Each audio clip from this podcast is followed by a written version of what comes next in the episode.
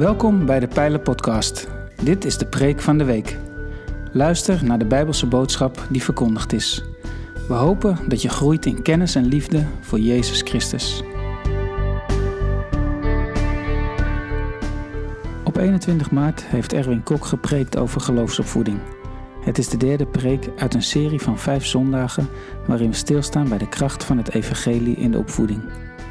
Eigenlijk gaat deze preekserie iedereen aan.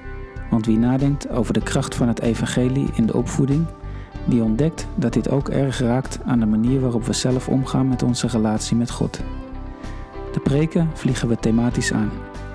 We maken gebruik van de 14 evangelische principes die Paul Tripp uiteenzet in zijn boek over opvoeding. Iedere spreker heeft één principe uitgekozen om uit te werken. Erwin spreekt over principe 13: rust. Alleen ouders die zelf rusten in de aanwezigheid en belofte van Jezus zijn in staat om het ouderschap met vreugde en geduld te volbrengen. We kijken naar de tekst uit Matthäus 28, waar het gaat over de grote opdracht van Jezus voor zijn volgelingen. We doen dit door de lens van de opvoeder. Wat betekent zijn opdrachten en beloften voor ons wanneer we bezig zijn met de opvoeding van onze kinderen en kleinkinderen? Maar eerst luisteren we naar een aantal tieners. Wat waarderen ze in de opvoeding van hun ouders? Wat irriteert ze? En vinden ze hun eigen ouders relaxed of gestrest? Mijn vader die is een, altijd een stabiele factor geweest. Dat is echt heel fijn geweest in mijn leven. Ook als met drie vrouwen in huis. Dat zij in heel veel aspecten van mijn leven best wel erg betrokken zijn. En zonder dat dat dus verstikkend of uh, vervelend voelt. Uh, maar dat ik eigenlijk met hun overal over kan praten. Dus dat vind ik echt heel fijn. Is dat ik bepaalde dingen niet mocht. Um, en dan niet heel streng of zo. Maar dingen zoals heel laat thuiskomen of veel te lang op een scherm. Allemaal dat soort dingen die ik heel irritant vond op het moment zelf. Ben ik achteraf heel blij mee dat ze hebben gezegd dat ik dat niet mocht.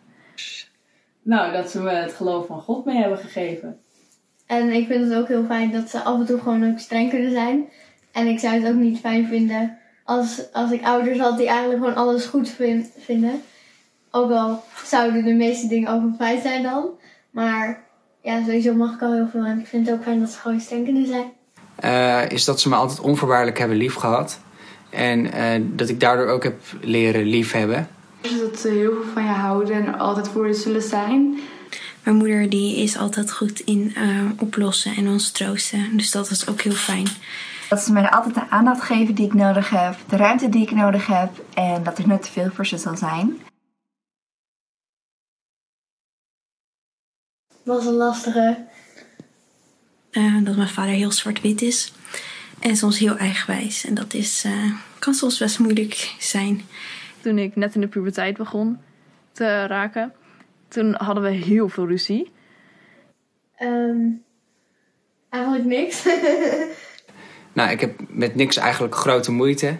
Uh, maar als ik iets zou moeten aanwijzen, dan zou het misschien zijn dat ze ietsje te beschermend uh, zijn geweest in, uh, toen ik klein was. Dat ze gewoon iets te veel van je houden, waardoor ze heel snel te gestrest zijn, te veel om je geven en al die shit. Dat ik echt denk van hallo, doe niet zo gestrest. En uh, mijn moeder is echt een ongelofelijke stresskip zo af en toe. En dan nou ja, neemt ze me nog wel eens mee en dat vind ik soms wel lastig. Nou, de eisen die mijn ouders ons hebben aan het um, aan hoe opgeruimd het huis moet zijn. Soms nou, drink ik gewoon een glaasje water en dan laat ik die staan op tafel. En dan gewoon staat hij er twee uur later nog steeds. En dan kunnen daar soms wat meningsverschillen of ruzies over ontstaan. Dus uh, dat denkt denk ik moeite van mijn ouders naar mij toe en van mij naar mijn ouders toe. Ze zijn best wel, allebei best wel druk in het leven. Um... Nou, jij bent vooral relaxed. Ze zijn wel rustig, maar mijn vader zit bijna de hele dag boven te werken. Niet altijd, maar wel heel vaak. En ik bedoel, je kan niet alles willen. Maar het is wel jammer dat, dat hij niet altijd gewoon vrij is, zeg maar. Ik denk dat mijn ouders allebei op een bepaalde manier uh, gestrest zijn. Mijn vader is vooral gestrest over ons uh, welzijn. Uh, ik vind hem momenteel wel een beetje te druk. Ze is altijd op haar telefoon berichtjes aan het sturen en zo. Wat moet. Maar het zou fijn zijn als ze net wat meer rust had. Ook voor dezelf, denk ik. Want er moet altijd iets. En daar in die zaken waar mijn moeder gestrest is, is mijn vader relaxed en uh, vice versa. Voor papa die kan soms ook wel eens een beetje gestrest zijn, maar dat heeft dan met zijn werk te maken en zo. Dat hij gewoon op de verkeerde momenten wordt gebeld en dat hij dan gewoon heel veel telefoontjes en alles krijgt en dat hij dingen moet doen wat eigenlijk helemaal niet zijn taak is. Het kan druk zijn, maar het is niet gestrest in huis. Het is wel gewoon een rustige omgeving. Ze rennen vooral veel, ook gewoon omdat het wel echt doeners zijn. En uh, dan is soms relaxen best heel lastig. En dat merk ik soms ook in mijn eigen leven. Ja, de ene is iets stressvol dan de ander, maar um, daardoor vullen ze elkaar dus wel heel goed aan. Dus uh, ja. En ja, jij bent soms gewoon een beetje, ja, een beetje druk. maar niet altijd, meestal wel relaxed. Het is uh, best wel mooi, maar misschien ook wel confronterend om kinderen zo te horen. Um, voor de ouders van de kinderen die we net gezien hebben, er is nazorg beschikbaar. Um, want ja, uh, wat je kinderen ineens zeggen, het kan zo ontzettend mooi zijn. Gewoon dat je hoort van kinderen wat ze waarderen in je opvoeding, maar ook de momenten waarop je rusteloos en gestrest overkomt. Ja, zoals ik al zei, er is nazorg beschikbaar. En voor de kinderen, wat ik eruit meeneem, we mogen best strenger zijn. Of was dat niet zo bedoeld? Nou, um, toch even aan alle kinderen die misschien kijken, een disclaimer. Uh, wij als ouders doen eigenlijk ook maar wat. We zijn gewoon begonnen. Uh, ik weet het voor mezelf nog wel, dan sta je daar op een bepaald moment en dan heb je ineens je eerste kind in je handen. En, en, en wat dan? Uh, eigenlijk had ik geen idee. Je hebt wel gedachten, je hebt wel ideeën, maar ineens is er een kind. En vaak zijn moeders beter in staat om zich te verdiepen in hoe en wat. Hebben wat meer natuurlijke gevoelens. Lezen soms wat meer boeken. Praten er meer met elkaar over. En daarnaast is er natuurlijk bij moeders ook die niet te verklaren band tussen moeder en kind. Waardoor een moeder soms op praktisch 10 kilometer afstand kan voelen of haar kind huilt of honger heeft. En wij vaders reageren dan vaak van, huh, is er iets? Ik bedoel, er zijn zoveel verschillen. En je moet het allemaal maar ontdekken als je dan ineens ouder bent van een kind. En ik generaliseer natuurlijk, zeker richting de vaders. Er zijn gelukkig steeds meer vaders die ook gewoon zich inlezen in wat betekent het om een vader te zijn. En wat, wat, wat kun je met kinderen of wat kunnen kinderen met jou? Ik moet eerlijk zeggen, ik was daar niet zo goed in. Ik was uh, nogal van, joh, we komen er gaande wel achter, gaandeweg wel achter hoe het moet. Hoe ga je bijvoorbeeld om met een huilend kind? Bij ons eerste kind was het heel simpel. Er, als die huilde, dan was daar een reden voor. Dan was of het buikje leeg of de luiers vol, uh, dan was er iets. En als je dat had opgelost, dan ging ze keurig netjes slapen en dan was ze lief. En soms, heel soms, kon ik niet vinden wat er was. Dan had ik er basic checks gedaan en dan was Meerte niet thuis. En dan werd ik wel eens boos. En het gekke is, dat hielp nooit, hè? Dan werd ik boos, dan raakte ik gestrest, want ik wilde dat het huilen stopte. Maar ik kreeg dat niet voor elkaar. Praten met een kind tussen de 0 en 1 is meestal niet zo denderend. En dat deed me wel wat. Dat ik gewoon soms mijn geduld kon verliezen met een kind wat er zelf nog helemaal niks aan kon doen. Toen kregen we nog een dochter. En als je die dan naar bed bracht, dan ging die ook huilen. En dan deed je weer de routine checks. Uh, luier leeg, buikje vol, alles klopt. Jij zou niet moeten huilen. En toch bleef ze huilen. En daar waar bij onze eerste dochter het zo was dat als zij huilde, dan was er echt iets. Dan lag er nog iets onder haar op het bed of zo wat meegesleept was. En dan lag ze gewoon daarop en daardoor ging ze huilen. Er was altijd iets. Maar bij die tweede niet. Je kon het bed ondersteboven keren, er was niks wat er, wat er kon frustreren en toch huilde ze. Later bleek dat zij gewoon haar energie kwijt moest toen we een beetje met haar konden praten, toen was vlak voor het slapen gaan een paar rondjes rennen om de kamertafel, was voor haar een moment van energie kwijtraken. En later werden de rondjes om de tafel, werden de rondjes om de parkeerplaats. Gewoon even energie eruit, dan ging ze naar bed en dan sliep ze heerlijk. Dus het grappige is dat je allemaal zelf moet ontdekken. En er zijn niet echt regels, standaardregels, die voor alle kinderen overal precies hetzelfde gelden. En waar haal je dan de kracht en de energie vandaan Als bijvoorbeeld je kind een vilstift mee naar bed heeft genomen en daarmee haar creativiteit laat gaan op het behang naast het bed, maar ook op zichzelf en de bekleding. En je snapt dat ik het over een praktijkvoorbeeld heb. Ehm, hoe reageer je? Hoe voorkom je dan dat je rust kwijtraakt, dat je gestrest raakt? En gaandeweg in de opvoeding, waarom zouden we als ouders gestrest zijn? We hebben het over opvoeding en zoals Manies in het begin al zei, uh, we zijn begonnen met Wim Grandia die praten over de valse goden. Welke goden laat jij zien aan je kinderen?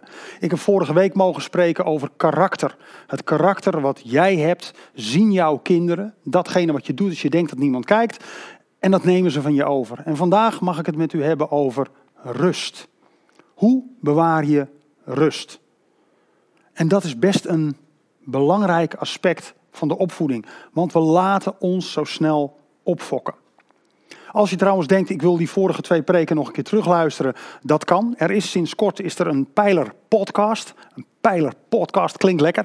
Um, elke week worden de preken worden, uh, op een podcast gezet. En die zijn dan via de normale podcast streamingdiensten zijn die te beluisteren. En we gaan er ook aan werken dat die rechtstreeks via de website beschikbaar wordt. Dan kun je dus de preken gewoon terugluisteren.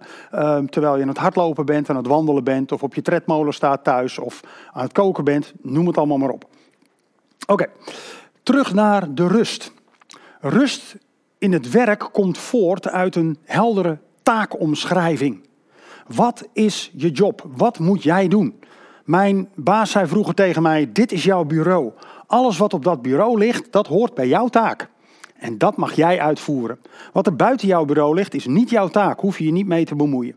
En dat gaf rust. Het maakte het gewoon duidelijk. Dit moet ik wel doen, dat moet ik niet doen. Maar wat is onze taakomschrijving als ouder? En hoe vind je dat in de Bijbel? Waar staat nou wanneer je het goed doet en hoe je het goed doet? Waarin laat ik de drijfveren van mijn leven zo duidelijk doorklinken dat de mensen die ik ontmoet en zeker mijn kinderen duidelijk hebben waar mijn bron ligt? En ik focus me vandaag natuurlijk met name op ouders van kinderen, maar dit principe geldt voor iedereen. De taakomschrijving die de Bijbel geeft aan ouders is de taakomschrijving die de Bijbel geeft aan iedereen. Wat straal je uit naar je omgeving? Wat zien ze in jou als de wind tegenstaat? En wat is de bron van jouw woorden als je een keer wel boos bent? Die vragen zijn voor iedereen anders, maar voor ouders zijn ze de dagelijkse praktijk. Er is namelijk niemand die zo goed door ons masker heen kan prikken als ons eigen kind. Als je dan gaat zoeken naar taakomschrijving, ouders en Bijbel bijvoorbeeld op Google, dan vind je een heleboel teksten over ouderschap en dat soort zaken, maar een echte taakomschrijving niet. Je vindt voorbeelden waar vaders voorkomen moeders voorkomen in de Bijbel. Aangezien de Bijbel over God gaat en hij zichzelf onze vader noemt, gaat het nogal vaak over God als vader in de Bijbel. Maar echt een taakomschrijving vinden we niet.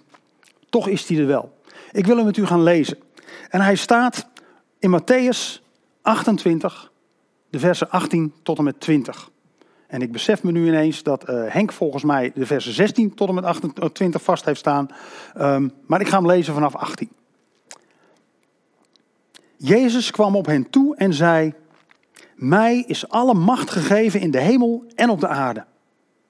Ga dus op weg en maak alle volken tot mijn leerlingen door hen te dopen in de naam van de Vader en de Zoon en de Heilige Geest. En hun te leren dat ze zich moeten houden aan alles wat ik jullie opgedragen heb. En houd dit voor ogen. Ik ben met jullie alle dagen tot aan de voltooiing van deze wereld. En mocht je je nou afvragen als ouder, wat is mijn taakomschrijving? Dit is hem. Dit is de taakomschrijving die jou gegeven is. Het is de taak van elke ouder om zich. Nou, sterker, het is een taak van elke ouder die zich een volgeling van Christus noemt, om zijn of haar kinderen op te voeden tot volgelingen van Christus. Om ze te helpen om de waarheid te vinden. De waarheid die deze wereld zoveel meer, meer maakt dan een toevallig ronddolende klomp graniet in de ruimte. Leer je kinderen wat de wereld is. De wereld is geen strijdtoneel waarop je de hoogste successen moet gaan behalen. Ehm, de wereld is gemaakt om verbonden te zijn met elkaar. Leer je kinderen wat Gods wil is. En leer dat zijn wil niet altijd alleen maar betekent dat je happy clappy door het leven gaat. Zijn wil kan dus ook betekenen dat je tegenwind ervaart of dat je nee moet zeggen tegen dingen die je eigenlijk misschien zelf wel wil. Maar omdat God aangeeft dat ze niet verstandig zijn, niet goed zijn, zul je ze dan niet moeten doen. Dat mogen we onze kinderen leren. Gods wil is meer dan een tripje naar Walibi Flevo, een pretparadijs. Gods leven, wil is wel een pretparadijs, maar onze definitie van pret wil nog wel eens anders zijn dan de definitie van God. Sommige dingen zijn gewoon schadelijk. Leer je kinderen wat de Bijbel is. De Bijbel is geen magisch boek wat je onder je kussen legt en waarna je s'morgens zwevend boven je bed wakker wordt. De Bijbel is een boek geschreven door mensen. En die mensen die zijn geïnspireerd door de Heilige Geest. En op wonderbaarlijke wijze is dit boek zo samengevoegd dat het een geheel vormt. Dat daarin Gods wil voor ons mensen te lezen is. En het wijst ons een weg in deze verwarrende wereld. En Matthäus 28, de tekst die we net gelezen hebben, geeft ons meer dan een opdracht alleen. Want wat als je nou faalt? Wat als het gewoon niet lukt? Als mijn kind vroeger huilde, wat ik net vertelde, dan voelde het soms alsof ik een vulkaan moest tegenhouden die op uitbarsten stond. En dat lukte natuurlijk van geen meter. En die frustratie, die boosheid, ja, daar werd ik dan weer boos om mezelf omdat ik boos werd. Dat werkte nooit. Maar toch, op de momenten dat het ons niet lukt, geeft deze tekst ons wat we nodig hebben. Want er staat en houd dit voor ogen. Ik ben met jullie alle dagen tot aan de voltooiing van de wereld.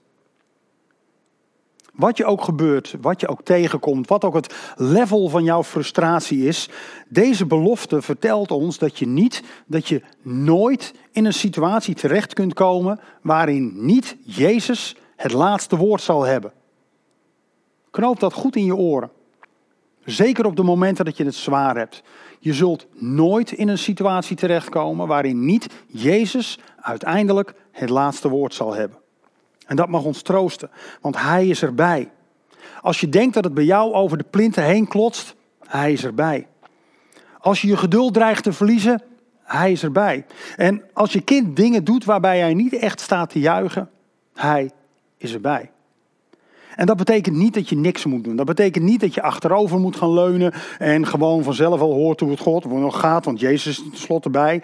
Nee, leg uit waarom je bepaalde dingen niet wilt. Leg uit waarom sommige dingen niet verstandig zijn, maar leg ook uit dat je toch van ze houdt. Beter nog, laat het merken. Laat merken dat je van ze houdt. Niet door alles maar goed te vinden, maar door grenzen aan te geven en met hen in gesprek te gaan over die grenzen. We leven in een. Sorry, even een kuchje doen. We leven in een ingewikkelde wereld. En die wereld die schreeuwt keihard dat je het alleen moet doen. Als jij het niet alleen fixt, dan ben je een loser. En onze kinderen hebben het nodig dat wij hen vertellen dat dat een leugen is.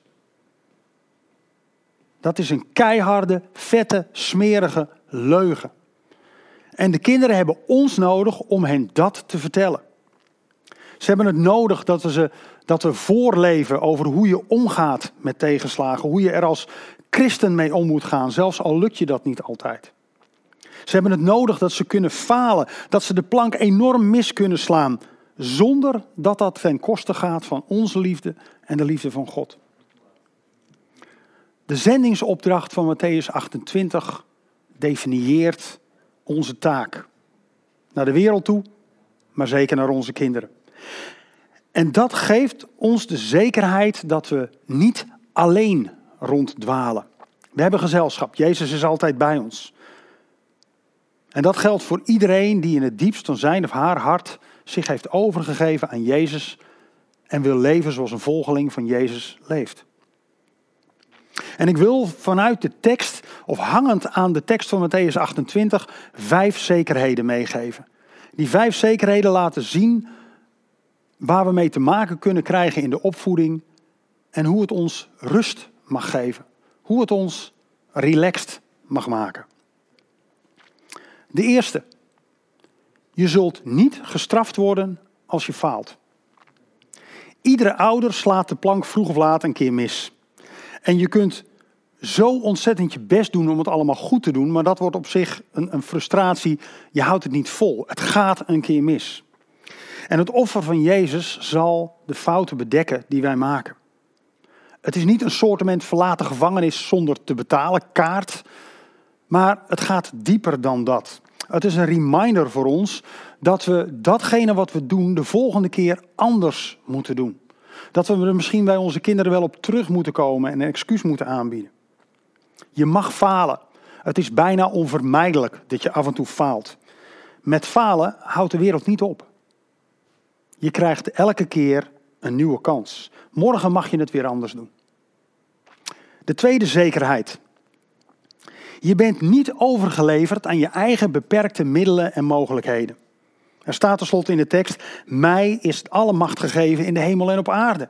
En Jezus zegt: Ik ben met jullie alle dagen. Calvijn, een reformator uit de vorige, uh, nou ja, heleboel eeuwen geleden. De man van de reformatie, Calvijn, schreef daar het volgende over. Door zijn bloed zijn wij met God verzoend. Doordat wij onder zijn hoede gesteld zijn, zijn we gevrijwaard van de ondergang en de vernietiging. Doordat wij op deze wijze deel aan hebben, hebben gekregen, is hij, hoe dwaas wij in onszelf ook nog zijn, onze wijsheid voor God. Hoezeer wij ook zondaren zijn, hij is onze rechtvaardigheid. Hoe onrein wij ook zijn, hij is onze reinheid. Hoe zwak wij ook zijn, hoe weerloos wij ook zijn en aan de Satan blootgesteld wij ook zijn, van ons is toch de macht die hem in de hemel en op de aarde gegeven is. Waarmee hij voor ons de Satan verslaat en de poorten van de hel verbreekt. Hoezeer wij ook nog het lichaam van de dood met ons omdragen, toch is hij voor ons het leven. Kortom, al het zijne is het onze en in hem hebben wij alles, in onszelf niets. Wijze woorden van Calvijn. En we denken soms dat we het alleen maar kunnen doen met wat we hebben. Maar door dat wat wij uit geloof en vertrouwen doen, kan God zoveel meer uitwerken. Kan God zoveel meer bereiken. Onze woorden zullen langer blijven hangen. Onze gedachten zullen gevoed worden door zijn geest. En onze lessen zullen bij onze kinderen blijven hangen en naar boven gebracht worden in hun herinnering op het moment dat het ertoe doet. Niet door hoe goed wij zijn, maar door hoe goed Hij is. De derde zekerheid. Je hoeft de dagelijkse last van het welzijn van je kinderen niet alleen te dragen. De wereld is keihard. En als je al denkt dat je kind het zwaar heeft op de basisschool, laat me je vertellen, de middelbare school lijkt soms net op een jungle. Het is overweldigend, het is groot, er zitten allerlei soorten gevaren in, in allerlei gradaties. Voor je kind is het echt een enorm spannende tijd. Toch mag je erop vertrouwen dat jouw houding, jouw voorbeeld, jouw gebed de dragende kracht van God in stelling zullen brengen. Je doet het namelijk niet alleen. Gods arm reikt verder dan die van jou alleen. Handel zoals je ontdekt hebt dat een volgeling van Jezus doet. Spreek zoals je ontdekt hebt dat een volgeling van Jezus doet. En vertrouw zoals alleen een volgeling van Jezus doet. Mij is alle macht gegeven in de hemel en op aarde. Ik ben met jullie, alle dagen.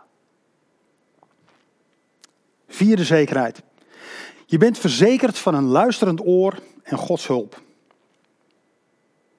Als iets je rust kan geven, is het de wetenschap dat je er niet alleen voor staat. En ik hoorde ooit de uitspraak: It takes a village to raise a child. Oftewel, je hebt een dorp nodig om een kind op te voeden. We hebben mensen om ons heen nodig. Opa's, oma's, ooms, tantes. Maar ook mensen binnen de gemeente. Om samen kinderen op te voeden. Maar ook om er met elkaar samen over te praten. Want echt, trust me, je bent niet de enige, de eerste die een bepaald probleem tegenkomt. Anderen zijn jou voorgegaan. En misschien zijn die wel gewoon in de gemeente. En misschien kun je daar gewoon mee in gesprek. Op dit moment natuurlijk allemaal via beeldbellen en dat soort dingen. Maar je kunt ermee in gesprek. We kunnen er zijn om elkaar tot hand en voet te zijn in de opvoeding van onze kinderen. Hoe gaaf is het als jij een bepaald principe aan je kind wilt uitleggen, dat lukt niet, want je kind reageert, nee, papa en mama die weten er niks van. En twee weken later komen ze thuis van een bijeenkomst met de jongeren of de tieners. En dan halen ze, oh weet je wat we vandaag geleerd hebben, dat en dat is tegen mij gezegd. En dan krijg je precies terug wat jij al wilde vertellen. Hoe gaaf is het dat we in de gemeente mensen hebben die als jongerenleider, als tienerleider, als jeugdleider opereren om jouw kinderen die waarden bij te brengen die je ze zelf ook bij wil brengen. Daar mag je op bouwen. Daar mag je op vertrouwen. En echt, ik hoop dat we met Pasen, met z'n allen die die tocht gaan doen, fantastisch elkaar ontmoeten. Met je kinderen onderweg. Lekker even fietsen, luizen, weet eruit. Elkaar even ontmoeten op een veilige manier. Ze weer in contact brengen met die mensen van de kerk die ook die waarden delen die jij deelt. Zodat zij uiteindelijk jouw kinderen weer kunnen helpen om te groeien. Het laatste punt, de vijfde. Je zwakheid is geen ramp, maar een zegen. We willen het zo graag goed doen voor onze kinderen. We willen het zo graag goed voordoen voor onze kinderen. Maar wat leren we onze kinderen als we alles proberen op eigen kracht te doen? Dan komen ze alsnog in die gevaarlijke tredmolen van de wereld, waarin ze denken dat ze alles alleen moeten fixen. Wat doen wij ze voor? En misschien even specifiek naar de mannen onder ons. Hoe vaak, hoe vaak zien onze kinderen ons om hulp vragen? Ik moet heel eerlijk bekennen, mijn kinderen hebben dat van mij niet vaak gezien. Ik ben daar gewoon niet goed in. Nog steeds niet. Het is echt een ding waar ik aan moet werken en dat is best moeilijk. Want het zit diep verankerd dat het, ja, is niet nodig. Ik wil andere mensen ook niet lastigvallen met mijn problemen en zo, dat soort dingen. Maar wat heb ik mijn kinderen voorgedaan? Ik heb mijn kinderen dus voorgeleefd dat je het prima zelf mag doen en dat je dus niet om hulp hoeft te vragen. En dat is niet goed. Dus kids, als jullie kijken of dit straks terugluisteren, vraag om hulp als je het nodig hebt. Gelukkig doen jullie dat bij ons, maar doe dat ook bij andere mensen. Voel je daar vrij om. Het is goed als wij als ouder het voorbeeld geven aan onze kinderen dat we het soms zelf niet kunnen. Dat we soms vastlopen en dat we de hulp van anderen nodig hebben om eruit te komen. Het doet mij een beetje denken aan de vader die opgevoerd wordt in Marcus 9. Hij heeft een zoon en die zoon heeft een probleem. En uiteindelijk komt hij in gesprek met Jezus en dan zegt Jezus um, dat hij geloof nodig heeft om zijn zoon te helpen genezen. Gelooft u? vraagt hij aan de vader. En dan zegt de vader: Ik heb geloof, maar kom mijn ongeloof te hulp.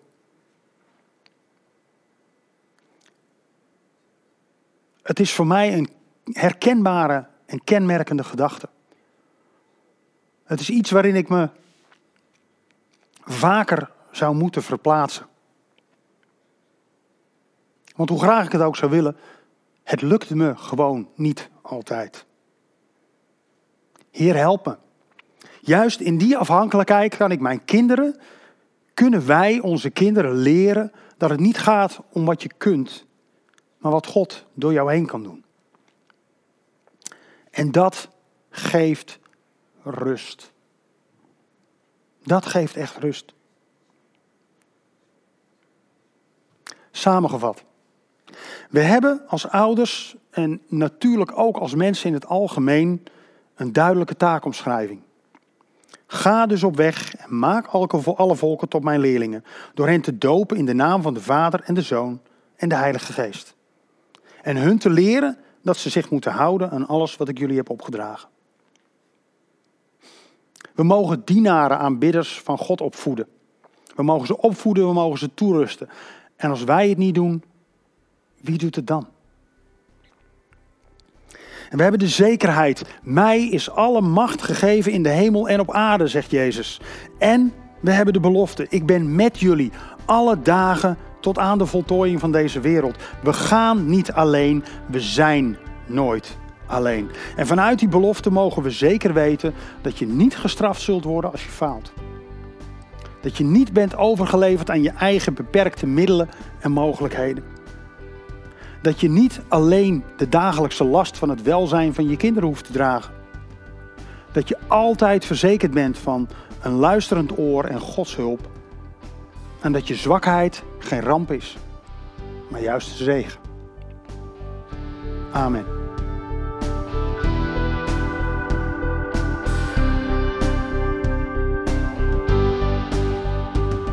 Bedankt voor het luisteren naar deze aflevering van de Pijlen Podcast, Preek van de Week. Heb je vragen naar aanleiding van deze preek? Stel ze. Dat kan via een e-mail naar onderwijs.pijler.nl. We helpen je graag verder in je groei als leerling van Jezus Christus. Abonneer je op deze podcast, zodat je altijd op de hoogte blijft van het onderwijs uit de Pijler. Goede week gewenst, ga in vrede, want God is nabij.